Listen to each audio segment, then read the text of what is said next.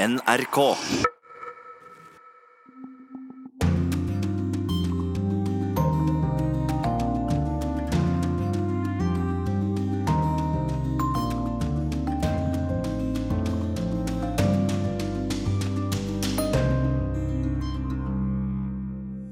Det er øh, en hjertesag for oss at øh, vi ikke alene går foran i den grønne omstillingen, men også at vi får speedet opp. De danske sosialdemokratenes leder Mette Fredriksen vil speede opp grønn omstilling, og har allerede lammet Dansk Folkeparti ved å etterligne deres innvandringspolitikk. Men hva gjør resten av Europas arbeiderpartier? My clothes was taken off. My legs were spread apart. En omskåret somalisk psykoterapeut vier livet til å kjempe mot omskjæring og hjelpe folk med traumer fra en borgerkrig som har vart i snart tre tiår. Et helt spesielt fotballag med røtter i Øst-Berlin rykker nå opp i Bundesligaen. Og ukas Krig og fred handler om abortmotstand og politikk i USA. Velkommen til Urix på lørdag. Jeg heter Gro Holm. Onsdag er det valg i Danmark, og alt tyder på at sosialdemokratiets partileder Mette Fredriksen blir landets neste statsminister. For mens arbeiderpartiene i Europa rundt er under press, har 41 år gamle Fredriksen hentet velgere tilbake ved hjelp av noen dristige grep. Vår reporter i Danmark, Charlotte Bergløf, har fulgt Mettebussen, som den kaller det, i valgkampinnspurten. En rød buss svinger inn i Viborg på Jylland og blir møtt med jubel og sang. Ut kommer hun som har ført det danske arbeiderpartiet, sosialdemokratiet, til topps på meningsmålingene. I en tid da arbeiderpartiene Europa rundt sliter i motvind. Med det mørke håret festet i en stram knute og ikledd en rosa kort jakke, kommer hun smilende ut av bussen der partimedlemmer og andre skuelystne har samlet seg for å møte Mette Fredriksen. God dag, god dag. Hei. God dag, hei. Med plakater høyt hevet og groser i hendene går de inn i byen til sang, der den 41 år gamle partilederen vennlig deler ut roser og lytter til danskenes bekymringer. Hvor flere pedagoger? Sånn om, er det altså, til børnehave, eller også når man går i SFO og klubb? Ja, det er en idé. Det vil vi gjerne være med til. Til uken kan hun skape historie i Danmark ved å bli landets yngste statsminister noensinne. Men til tross for den unge alderen er Mette Fredriksen en tungvekter politisk. Født og oppvokst i en arbeiderbydel i Aalborg, i en familie som i generasjoner har vevd sitt liv med de røde, sosialdemokratiske farger. For Mette Fredriksen var derfor det danske AUF, Danmarks sosialdemokratiske ungdom, et naturlig valg som ung. Samtidig som hun tok en bachelorgrad i samfunnsfag og en mastergrad i Afrikastudier, rykket hun raskt opp i gradene i partiet. For det var tydelig at de hadde fått et lysende politisk talent med på laget. Det førte til at Danmarks første kvinnelige statsminister, Helle Thorning-Smith, hentet Mette Fredriksen inn i regjering i 2011, først som arbeidsminister, deretter justisminister. Og etter folketingsvalget i 2015, da Helle Thorning-Smith på valgnatten meddelte sin avgang, overtok Mette Fredriksen som partileder. Da hadde hun to barn og var nylig fraskilt. Nå smiler hun både som nyforlovet og av meningsmålingene. Er godt. Og det skal vi ha mer av. Ja, det skal vi nemlig.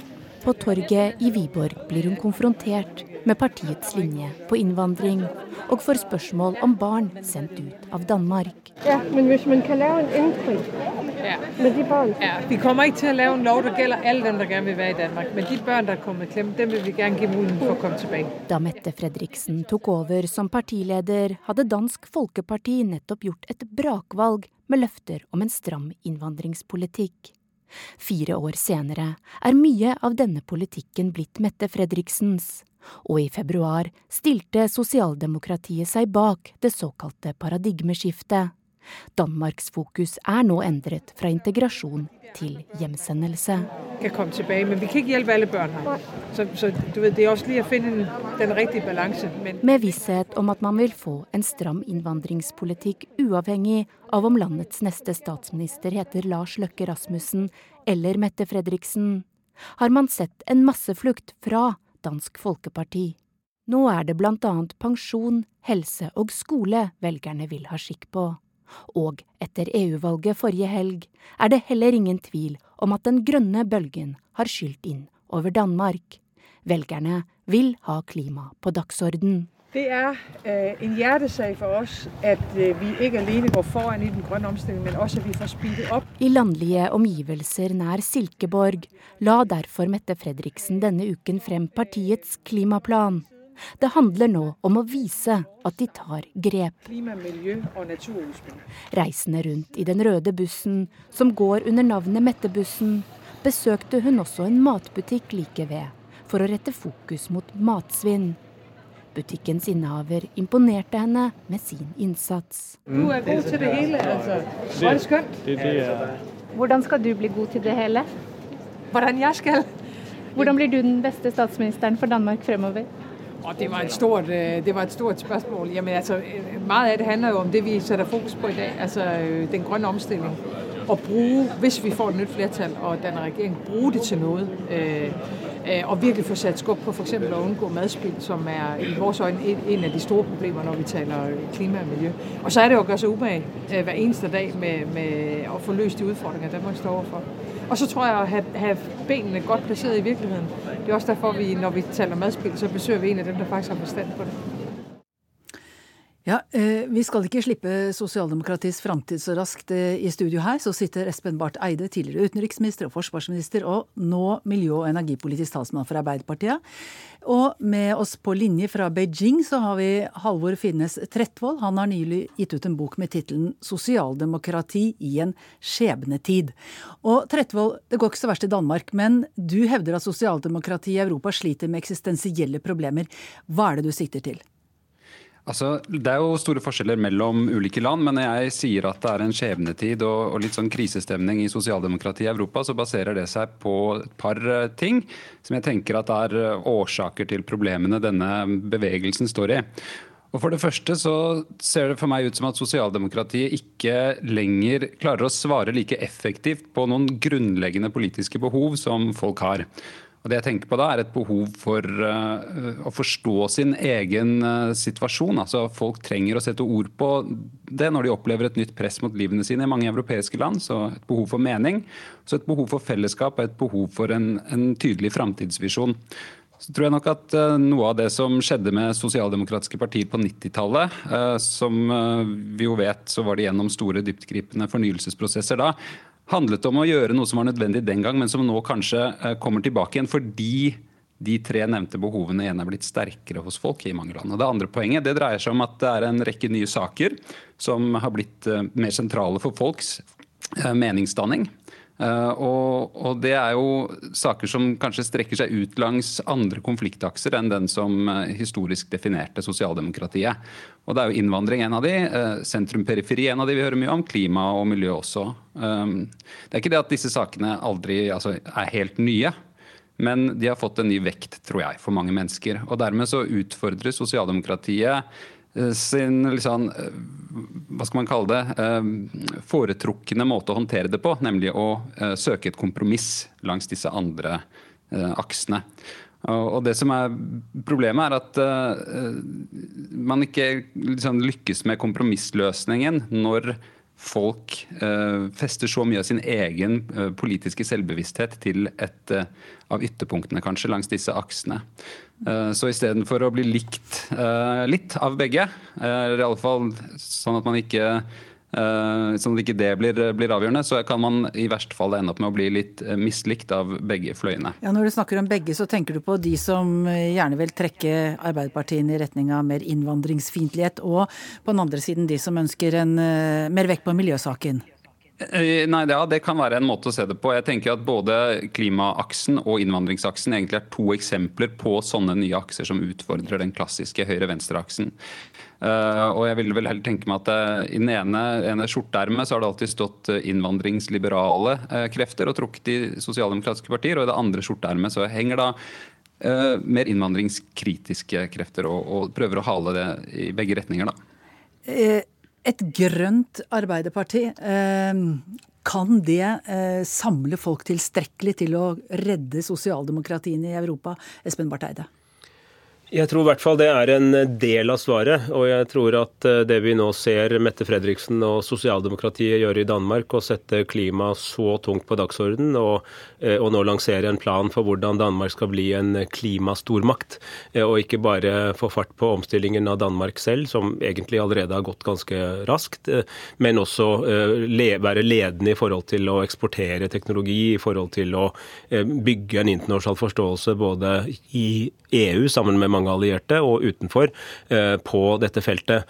Og Jeg tror Tretvold har et veldig viktig poeng. Det er et sosialdemokratisk parti, for så vidt som mange andre typer partier, trenger en fremtidsvisjon. Man kan ikke bare love mer av det samme. Det er en del ting sosialdemokrater alltid må være ha høyest troverdighet på, altså velferd, eh, velferdsstatens bærekraft osv. Men du må også fortelle litt hvor du skal. fordi For å skape entusiasme så må du ville et sted, og ikke bare si at ting skal være som de en gang var. Og Det tror jeg blir veldig sentralt nå for i det danske valget. Jeg tror dette også er en europeisk hovedtrend. Jeg mener at man kan se ganske tydelig at de sosialdemokratiske partiene som nå grep denne, eh, denne nye måten å tenke grønt på, altså at eh, klimaomstilling er nødvendig for å redde kloden, men det gir også mange nye muligheter. Det er der de nye arbeidsplassene kan finnes. De gjorde det bedre enn de som ikke gjorde det. Da tenker jeg på det nederlandske og spanske Arbeiderpartiet, som gikk kraftig fram i forhold til de, den, det lave punktet de startet på. Mens de tyske som ikke brukte så mye energi på dette, gjorde et veldig dårlig valg i europavalget. Så, så er det nasjonale forskjeller som man skal være åpne for, men jeg tror det å ha en fortelling som griper ikke minst unge mennesker, er veldig viktig nå. Men eh, nå er det jo da eh, Angela Merkel, kristeligdemokraten Angela Merkel, som på en måte har ført den mest liberale eh, innvandringspolitikken i Europa til nå. Er det mulig å føre en så liberal innvandringspolitikk og samtidig vokse som sosialdemokratisk parti i Europa i dag, i Bartheide? Det, det, er i hvert fall åpenbart at Når vi snakker om Mette Fredriksen og Danmark, så har de konkludert med at det ikke var det. Eh, og jeg tror det er viktig å skille mellom to utgangspunkt for å være restriktive til innvandring. Det er den som den tradisjonelle liksom, ytre høyresiden har hatt, som har, noen vil si har hatt litt eh, rasistiske overtoner. Og så er det som har kommet liksom, litt fra liksom, dypt nede i sosialdemokratiet eh, og fra veldig mange av de viktige velgerne, eh, det er en følelse av at Eh, ukontrollert innvandring kan undergrave velferdsstatens eh, bærekraft.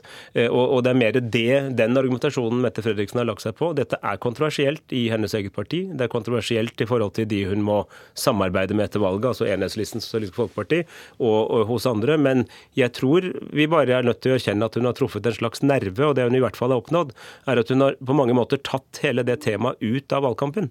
Nå har ikke Dansk Folkeparti noen, noen hovedsak lenger, og det er det helt åpenbart at frustrerer dem, for dette er jo det de har gjort seg store på. og Nå er eh, store deler av Danmark, eh, om ikke enig med dem, men i hvert fall bevege seg i den retningen. Og da er det andre tema som kommer mer sentralt eh, inn.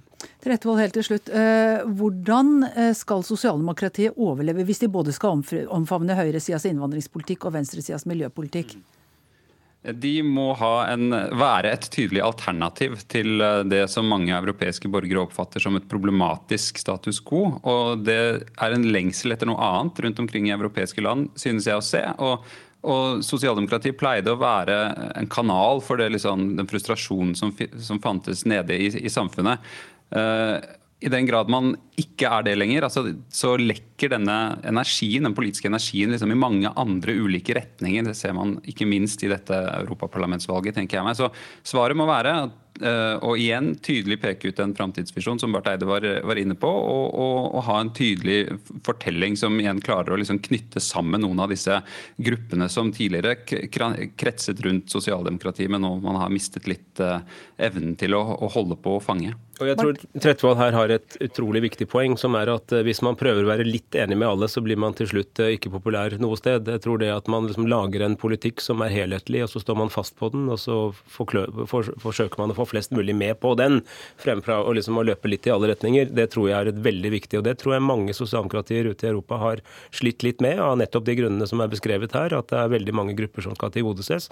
Eh, men det å på en måte ha et prosjekt og så prøve å bygge en forståelse hos unge og gamle sentrum-periferi rundt det prosjektet, det er det som jeg tror det er nøkkelen til å komme tilbake til gamle høyder.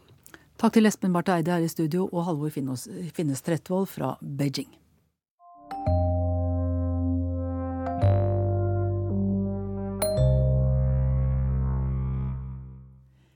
Somalia har vært preget av nærmest sammenhengende borgerkrig fra det tidspunkt landets diktator Siad Barre ble kastet i 1991 til nå. Mange har forlatt landet, men psykoterapeuten Laila Hussein holder stand og forsøker å lappe sammen livet til landsmenn med traumer og ødelagte liv. Etter hvert er hun også blitt en kjent aktivist mot omskjæring. Selv ble hun skåret eh, om som sjuåring, fortalte hun reporter Tom Christiansen da hun besøkte Oslo denne uka.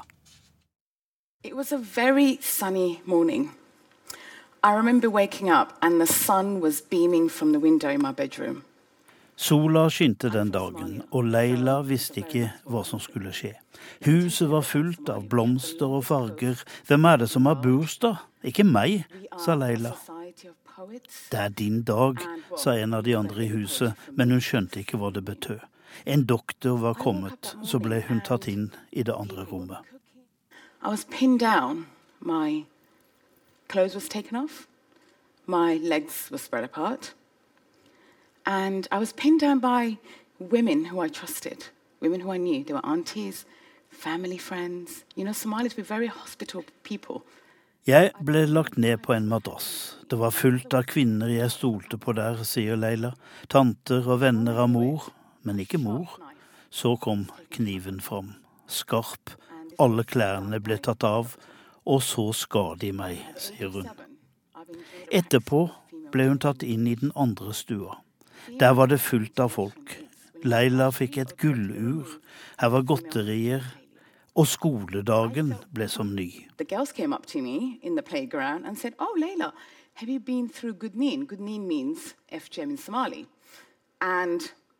Jentene spurte om hun hadde gjort det, og Laila svarte ja. Da kan vi leke sammen, sa skolejentene. Da var hun ikke uren lenger.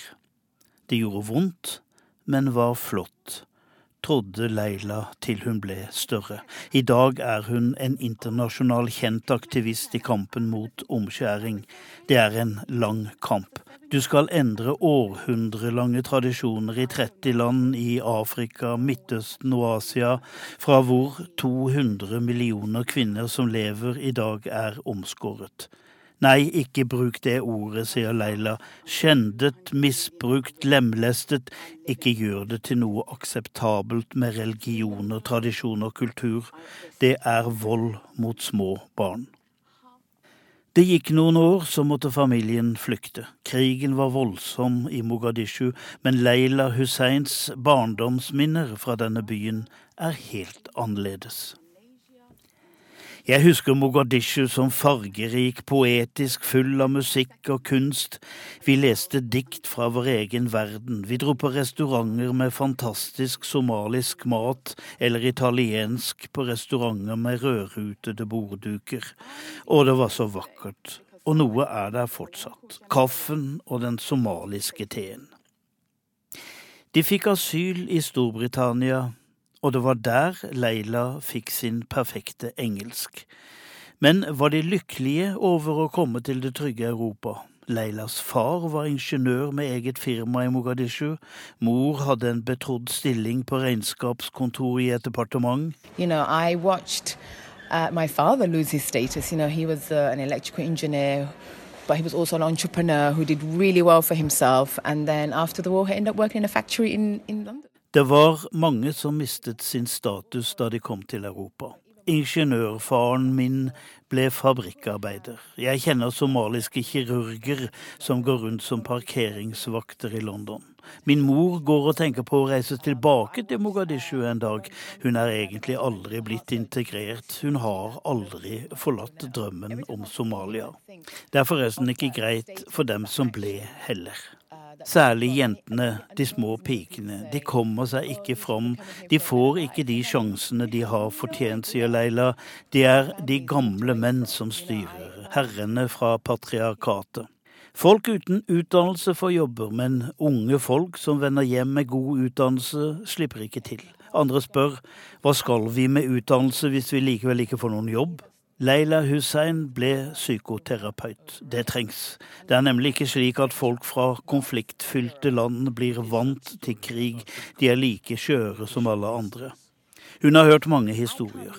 Hun har hørt mange kunnskapsløse kortslutninger i Europa også, men hun er ikke naiv. Og vi i Europa bør i overbærenhet forsøke å forstå konsekvensene av kriger som får lov til å pågå og pågå, ofte med vestlige interesser, sier hun. When a child is surrounded by violence and that's all they know, Don't be surprised Når if they get et violent barn omringes av vold, kind og det er alt de vet om livet, bli ikke overrasket over at noen av dem blir voldelige. For det er slik de er blitt oppdratt til å møte volden med samme mynt i stedet for ikke-vold. Vi lærte dem jo nettopp dette. De vet ikke annet, ungdommene. Mange går derfor lett til voldelige grupper, terrorgrupper, hvor de får mat og mening. Somaliere under 25 år har bare opplevd krigen. De kjenner ikke noe annet. De kjenner ikke den stille freden. that's all they know, unfortunately.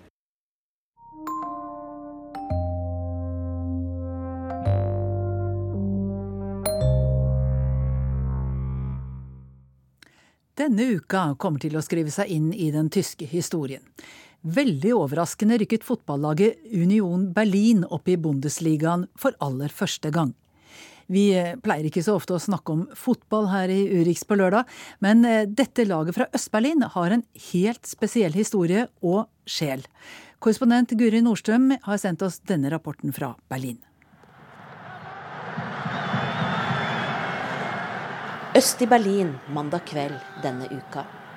Tusenvis av røde og hvitkledde fans stormer fra tribunen og ned på fotballstadion. Ingen stanser dem, for denne gressmatta tilhører like mye supporterne som spillerne. For første gang siden Union Berlin ble stiftet i 1966, har de rykket opp til landets øverste liga. En uforglemmelig kveld i tysk fotballhistorie. Og for 21 år gamle Julian Ryerson fra Lyngdal, som har spilt på laget siden i sommer. Nei, den kommer jeg aldri til å glemme. Det, det er ikke ofte du får oppleve det som fotballspiller. Du er heldig hvis du bare får oppleve det én gang, så den kommer jeg aldri til å glemme. Jeg tror absolutt alle fotballhjerter i, eh, i Tyskland gleder seg. Journalist Asbjørn Slettemark bor i Berlin, og med to kamerater driver han bl.a. fotballpodkasten Dritte Halbseit, som er et tysk uttrykk for all moroa som skjer før og etter kamp. Podkasten fordyper seg i tysk fotball, og Union Berlin er det mye å si om. Klubben sånn som vi kjenner den i dag, oppsto under mm, det østtyske eh, regimet, eh, altså i eh, DDR.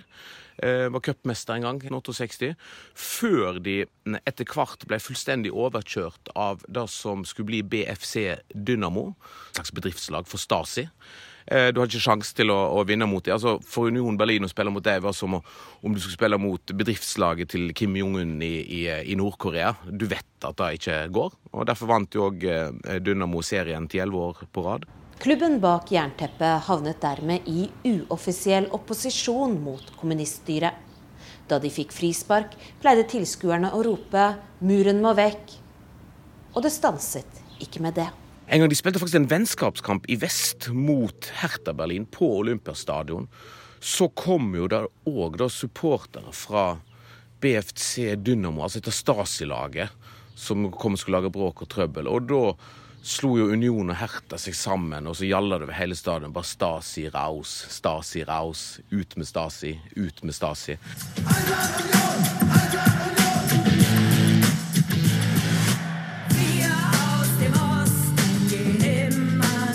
Også klubbsangen gjenspeiler systemkritikken.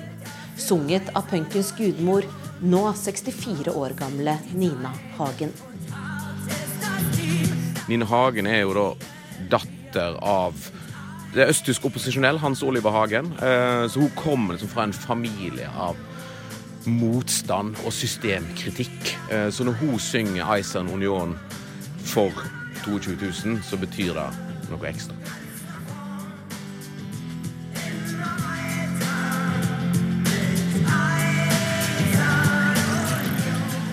Hva betyr dette opprykket for uh, Tyskland som land? I Tyskland så er det jo en generell misnøye i øst uh, med at gamle Øst-Tyskland ikke har kommet seg opp på, på samme nivå som Vest-Tyskland etter gjenforeningen. Så da at Union Berlin kommer som et østtysk lag i Bundesliga, er utrolig viktig for følelsen av at Øst-Tyskland kan henge med eh, Vest-Tyskland. Eh, samtidig for fotballen sin del så er det viktig for at Union Berlin er et av de gamle østtyske lagene som ikke har nevneverdige problemer med nynazisme eh, og brune elementer blant fansen. Så det er mye kulere for tysk fotballkultur at Union Berlin rykker opp, enn f.eks. Dynamo Dresden, som har kjempestore problemer med rasisme og homofobi og kvinnehat og alt mulig dritt på, på tribunene. Union Berlin er også laget som skiller seg ut med en ekstraordinær dugnadsånd. De måtte bygge om. Og fansen tok da hammer og spiker og skrujern og alt i egne hender. Og 2300 fans la ned enorme mengder med dugnadstimer for å bygge en ny stadion. Og de dedikerte supporterne har gitt uttrykket 'blø for drakta' en helt bokstavelig betydning. I 2004 holdt de på å gå konkurs, og da gikk fansen til Union Berlin til det skritt å kjøre en sånn massekampanje der de donerte blod. Eh, og alle pengene de fikk for å, for, for å, gi, for å gi, blod, eh, det gikk da rett inn i klubben. Hver lille julaften møtes titusener av supportere for å synge julesanger, drikke gløgg og tenne lys sammen på stadion. Og under fotball-VM i 2014 lagde de verdens største stue på banen, der fansen tok med seg sine egne sofaer for å følge mesterskapet på storskjerm.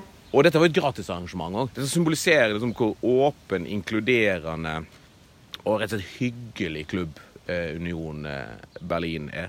Skulle virkelig virkelig ønske at eh, den mentaliteten de har altså For det første håper jeg at den, den fortsetter inn i Bundesliga, men òg at kunne ikke bare alle norske klubber, alle utenlandske klubber har dratt på studiebesøk. Jeg har fått noen tips om hvordan jeg skal behandle fans. Og nå er det tid for korrespondentbrevet, som denne uka er signert Arnt Stefansen, og handler om hvorfor Brasils fattige støtter Donald Trumps politiske fetter, president Bolsonaro. Jeg vil kalle henne Anna, selv om hun heter noe annet. Hun er 23 år og bor i Rio de Janeiro. Ana jobber på et gatekjøkken, en såkalt Soco-bar, der det viktigste produktet er nypresset saft fra Brasils utallige frukter, mange av dem fra Amazonas og ukjente for norske ganer. Jeg setter stor pris på denne baren, som ligger like ved min bolig, og jeg hadde vært fast gjest der i mange år da Anna en dag dukket opp bak disken. En hyggelig, pen, mørkhudet jente med en kjapp replikk, og, slo jeg etter hvert fast, et meget klokt hode. Du skriver vel mye dritt om presidenten vår, sier hun da jeg forteller henne at jeg er en utenlandsk journalist. Hvorfor tror du det, spør jeg, litt forbløffet. Leser du utenlandske aviser? Nei, ler hun, jeg kan bare portugisisk, men jeg har hørt fra andre at utenlandske journalister bare skriver stygge ting om Bolsonaro. Og jeg liker det ikke, sier hun og ser sint ut. Hvorfor ikke, spør jeg. Fordi jeg stemte på ham, og fordi jeg tror at han kan gjøre mye bra for Brasil, svarer hun. Det kommer nye kunder til baren, og vi må avbryte diskusjonen. Men det blir ikke siste gang vi snakker om Jair Bolsonaro, den omstridte høyrepopulisten som ble valgt til president i Brasil i fjor høst. Anna kommer fra en favela, en av Rio de Janeiros fattige bydeler, og sin historie deler hun med tusener og atter tusener andre fattige i det brasilianske klassesamfunnet. Hennes mor har vært gift to ganger, har til sammen født åtte barn og er nå skilt. Og det har på ingen måte gått bare bra med den store søskenflokken. Jeg hadde sett at Anna har tatovert et navn, Lukas, på underarmen, men regnet med at det var en tidligere eller nåværende kjæreste, og ville ikke spørre. Men en dag jeg satt i baren med min fruktjus, sa hun, du lurer kanskje på hvem Lukas er? Nei, løy jeg, jeg har ikke tenkt noe på det. Lukas var broren min, sier hun, mer alvorlig enn jeg noen gang har sett henne. Han var to år eldre enn meg, og han var min beste venn. Men han ble drept i en trafikkulykke da han var 18 år. Hun tar en pause og kjemper med tårene. Han brukte narkotika, og jeg var alltid redd når han satte seg på mopeden, forteller hun. Og denne dagen gikk det fryktelig galt. Det blir stille mellom oss, og hun fortsetter med sine gjøremål. Jeg tenker på alt som hadde vært annerledes dersom Brasils fattige hadde fått de samme mulighetene som vi nordmenn. Dersom de hadde fått muligheter til en god utdanning, en skikkelig jobb og en anstendig inntekt. Da hadde tusener av flotte ungdommer sluppet å ta til takke med det eneste jobbtilbudet de får, å bli selgere for narkotikagjengene. For derfra er veien kort til dopmisbruk og yrkeskriminalitet.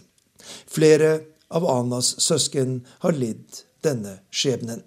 Hennes søster er tung heroinmisbruker og har vært uteligger i flere år. To av brødrene sitter bak murene, og to andre har gått inn og ut av fengsel de siste årene. Jeg har sikkert bare vært heldig, sier hun. Jeg bruker jo marihuana, og jeg har også prøvd annet dop, men jeg har greid meg brukbart, sikkert fordi jeg har hatt en jobb. Men det er hele tiden en kamp for hele familien. Vi prøver å hjelpe hverandre, men vi mangler alltid penger. Anas mor lever av Bolsa Familia, den lille sosialhjelpen som holder liv i flere titalls millioner brasilianere. Dette forteller Ana meg etter at vi har kjent hverandre i noen måneder og har snakket om mye forskjellig. I det minste har ikke Bolsonaro greid å ta fra oss dette, sier hun skarpt. Jeg ser forbauset på henne. Jeg trodde du likte Bolsonaro. Ja, jeg gjorde det, men jeg tok feil, svarer hun. Han får jo ikke til noe som helst, i hvert fall ikke for oss fattige. Alle jeg kjenner, er skuffet. Og så har han endret våpenlovene. Mange i favelaen vår sier at de vil kjøpe våpen, slik at det blir lettere å forsvare seg mot de kriminelle. Tenk deg det, med alle de konfliktene vi har. De som hittil har gitt hverandre et blått øye, kommer nå til å ta fram pistolen. For ikke å snakke om det som har skjedd med kultur- og fritidstilbudene i favelaen vår. Vi hadde tross alt en del aktiviteter som fotball, samba, diskotek og språkundervisning, men alt dette er nå borte. Og dermed har de unge enda mindre å ta seg til, og enda mer tid til å gjøre gale ting. Slik er det altså Bolsonaro vil bekjempe kriminalitet og skape et bedre Brasil. Og denne mannen stemte jeg på. Hun skjærer en grimase. Så dum går det an å være. Jeg ser ingen grunn til å si henne imot. Meningsmålingene viser at troen på presidenten har falt som en stein de siste månedene. Ikke det at vi journalister ikke advarte, men det siste jeg har behov for, er å minne om det. Jeg føler bare tristhet, for millioner av fattige brasilianere fortjener så mye bedre. Brasil er et av de land i verden der det er størst forskjell mellom fattig og rik. Mellom de populære turistområdene Copacabana og Ipanema, og de nærmeste fattigkvartalene er det bare noen få hundre meter. En av de skarpeste fattigdomsgrenser på kloden. I de nærmere 15 årene jeg har bodd i Brasil, er det ingenting som gjør meg mer opprørt og sørgmodig enn denne uretten. Og dessverre er det lite eller ingenting i denne regjeringens program som tyder på at det skal satses på dem som befinner seg nederst på samfunnsstigen, som Ana og familien hennes i Rio de Janeiro.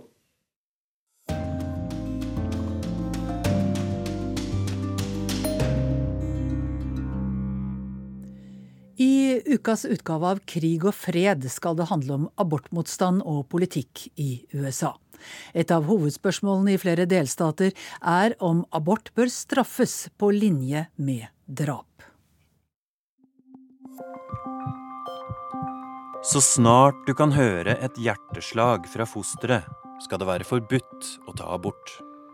Om du er blitt gravid etter en voldtekt eller utsatt for incest, skal det fortsatt være forbudt å ta abort.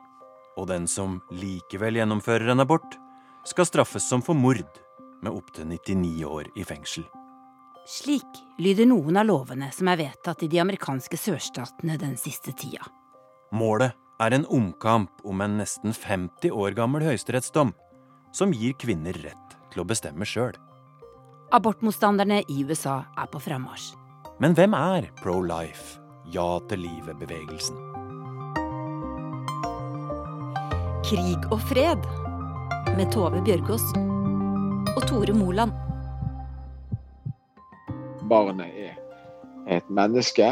Det har eh, ti fingre og ti tær, og det har et hjerte som banker, og som du kan høre fra uke seks og syv. Eh, og så har, eh, har, man lykkes i å forklare folk det, sånn at de har en mye mer levende og opplyst debatt om dette enn vi har i Norge. Og så er det jo selvfølgelig en, en kristen stamme i den amerikanske kulturen som er mellom på en måte østkysten og vestkysten. Vi kjenner jo kulturen fra Hollywood, fra New York.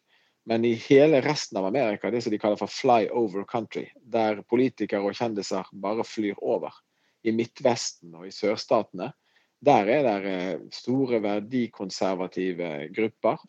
Og der er trykket. Og det viser jo også disse eh, delstatene sine nye vedtak eh, på å få en innstramming i abort. Jeg heter Bjarte Ystebø. Jeg er redaktør i avisen Norge i dag. Hvor befinner du deg, Bjarte Ystebø? Nå befinner jeg meg i en liten småby som heter Fergus Falls i Minnesota. Der folk stort sett stammer fra Norge. Og eh, på bygden her så er folk veldig konservative. Du har på sett og vis kommet hjem ved å reise bort, da?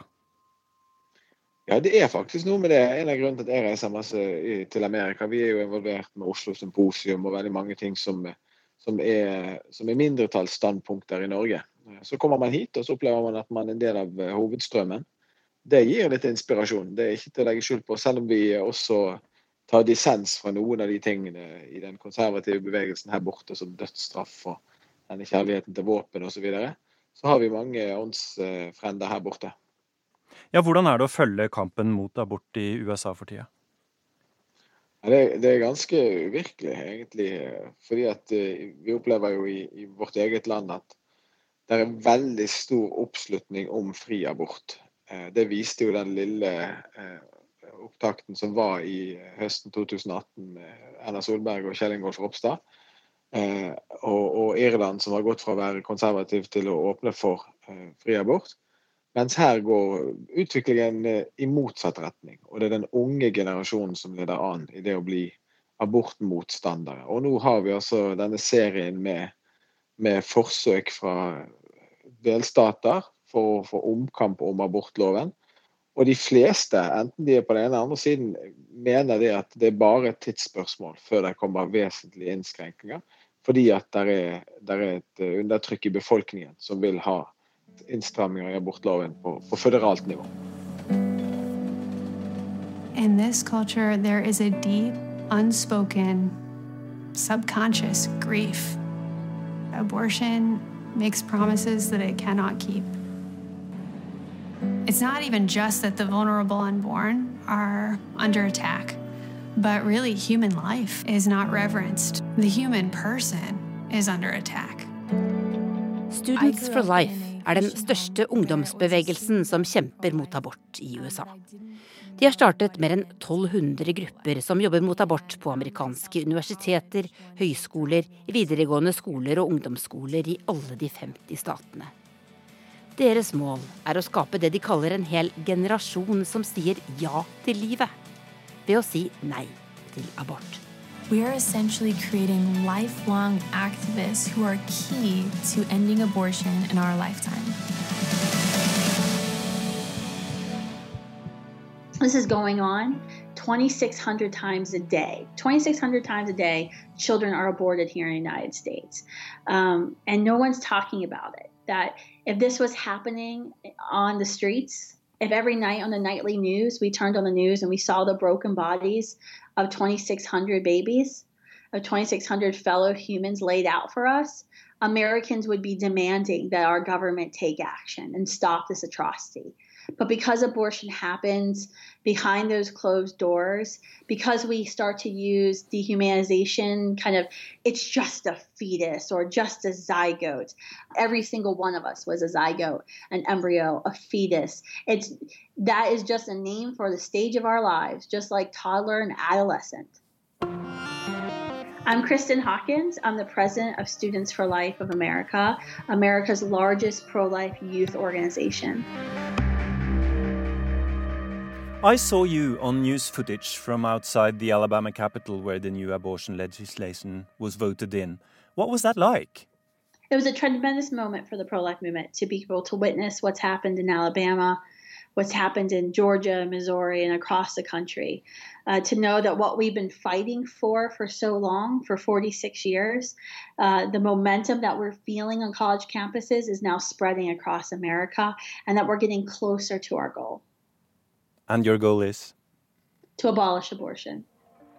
What do we do? Stand up, fight back. Whose house? Our house. I fotside røde kapper og med hvite kyser på hodet demonstrerer unge kvinner foran senatsbygningen i Montgomery, Alabama.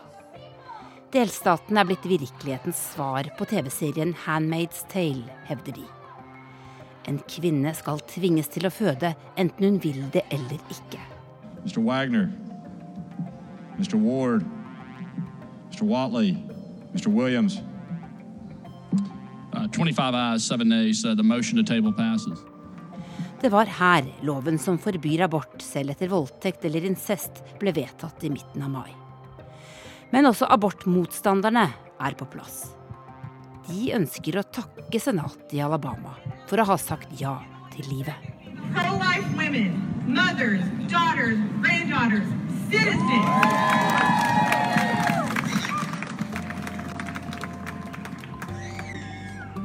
I Alabama så har de jo vedtatt eh, et forbud mot eh, abort, unntatt veldig, veldig spesielle tilfeller, og da veldig mye omkring eh, morens liv som det eneste unntak. Men ingen unntak ved voldtekt eller ved incest? Nei, og det er ganske ekstremt. De, de, de aller fleste eh, som er motstandere av abort, eller definerer seg som pro-life, har unntak når det gjelder spørsmål om eh, incest og voldtekt. Blant annet president Trump har jo eh, sagt det. Tidligere president eh, Bush jr. var jo også på det standpunktet.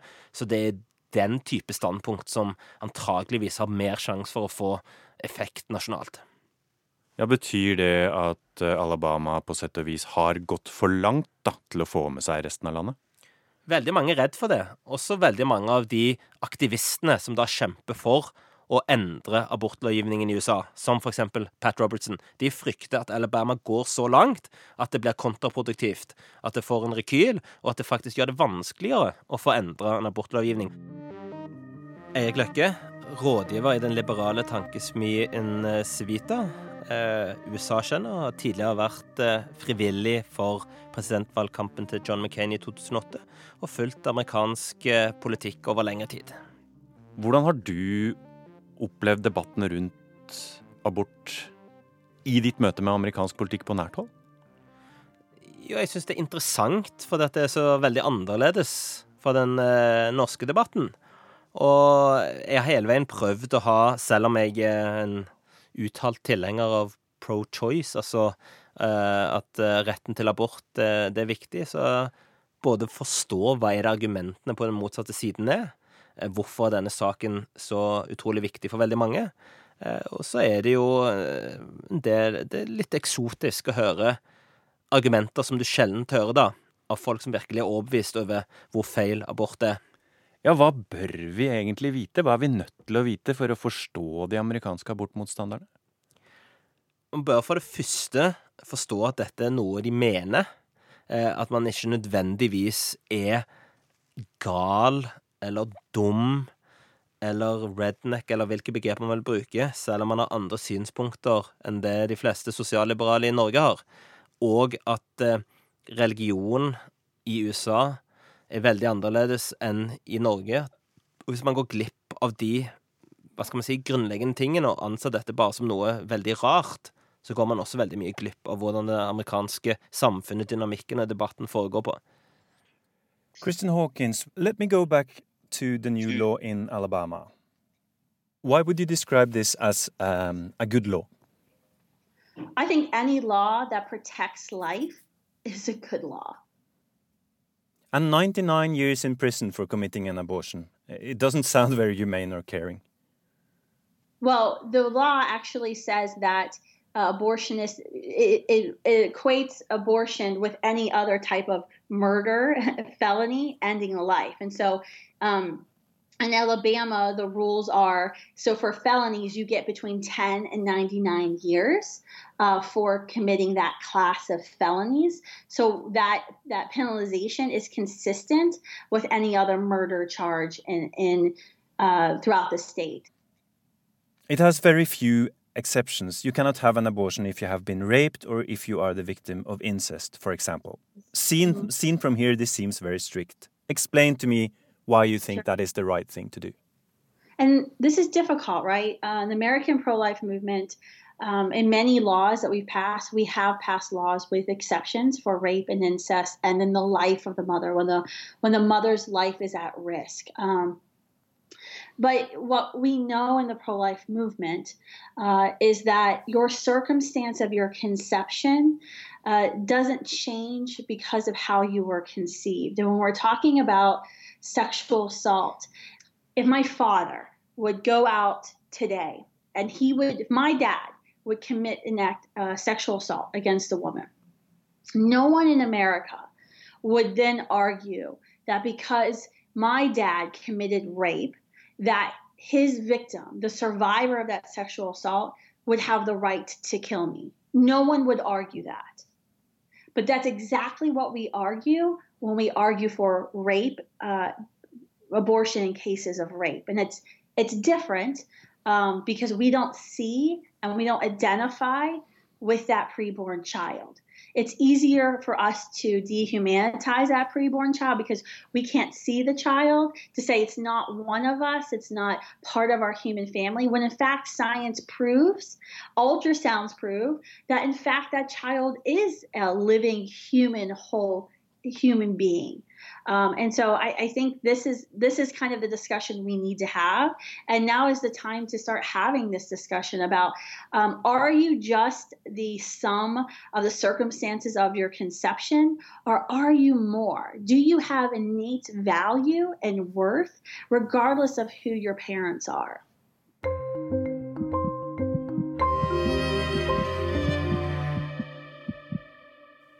Hvorfor er eh, Høyesteretts rolle så viktig?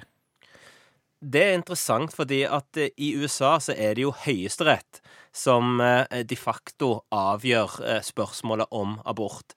Dette er veldig ulikt fra Norge. I Norge så har det jo også vært en omfattende debatt om abort eh, senest nå det siste året, med det jeg vil si ganske sånn mikroskopiske endringer, iallfall i forhold til USA. Men det er Stortinget og parlamentet som er den avgjørende eh, plassen hvor dette diskuteres. I USA så er dette veldig mye et spørsmål om juss, og det er mer en spørsmål om hva som skjer i domstolene enn Kongressen. This is the CBS Evening News with Walter Cronkite. Datoen var 22.1.1973. Og på CBS Evening News brakte Walter Cronkite en rettsavgjørelse som skulle både forme og splitte USA.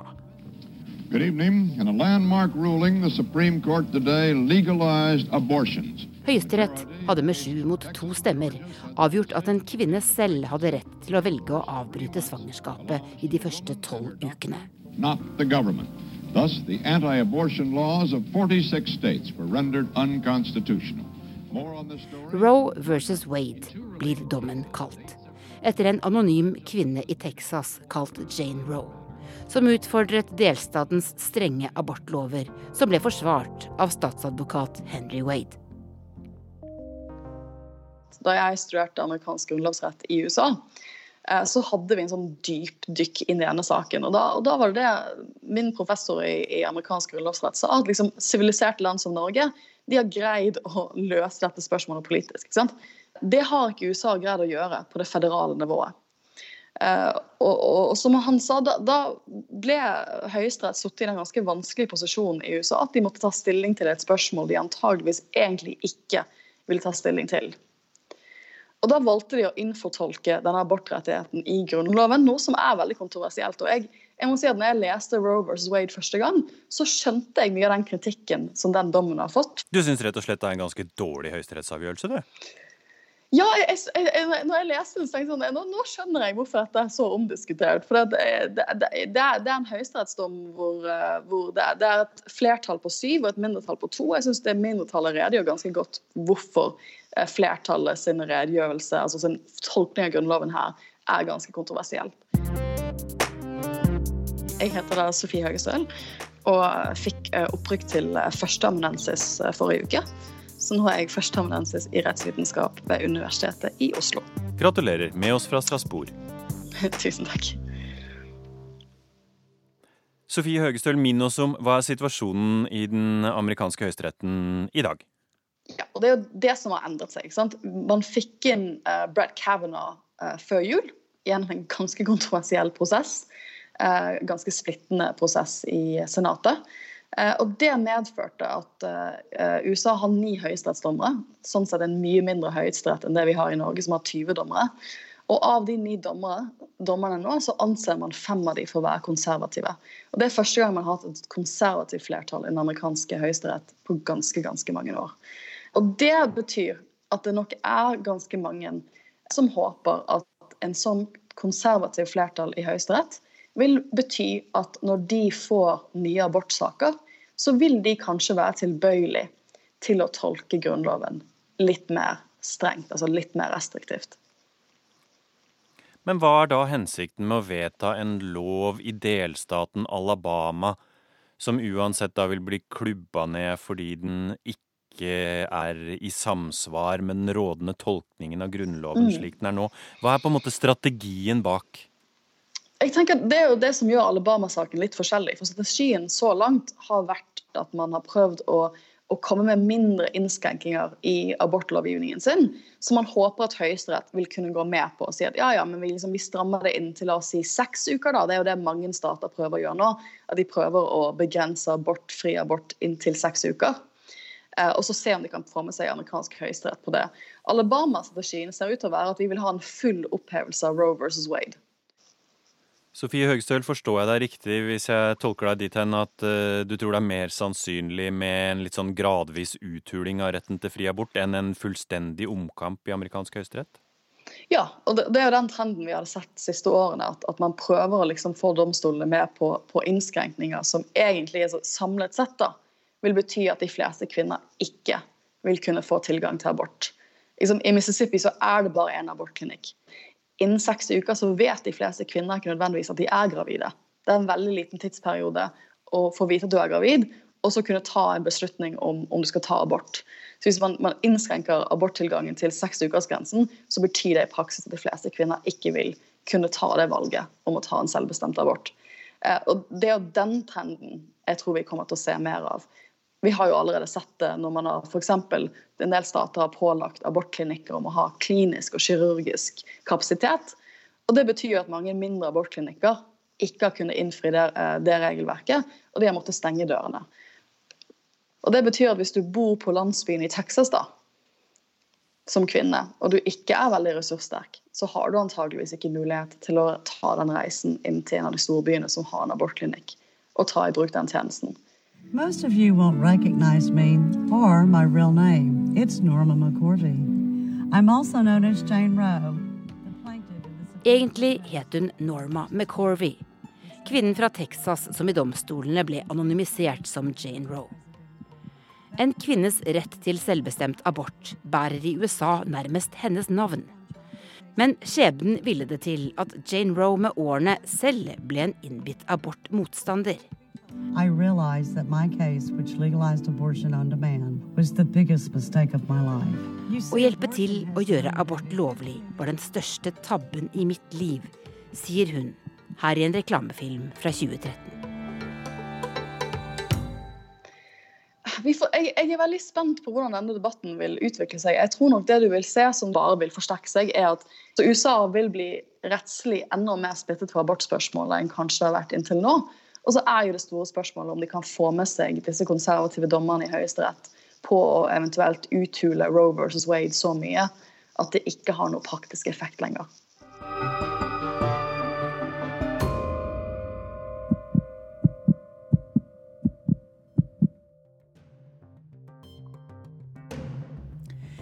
Denne Urix på lørdag er nå slutt. Teknisk ansvarlig Lisbeth Sellereite. Produsent Oda Holm Gulbrandsen. I studio Gro Holm.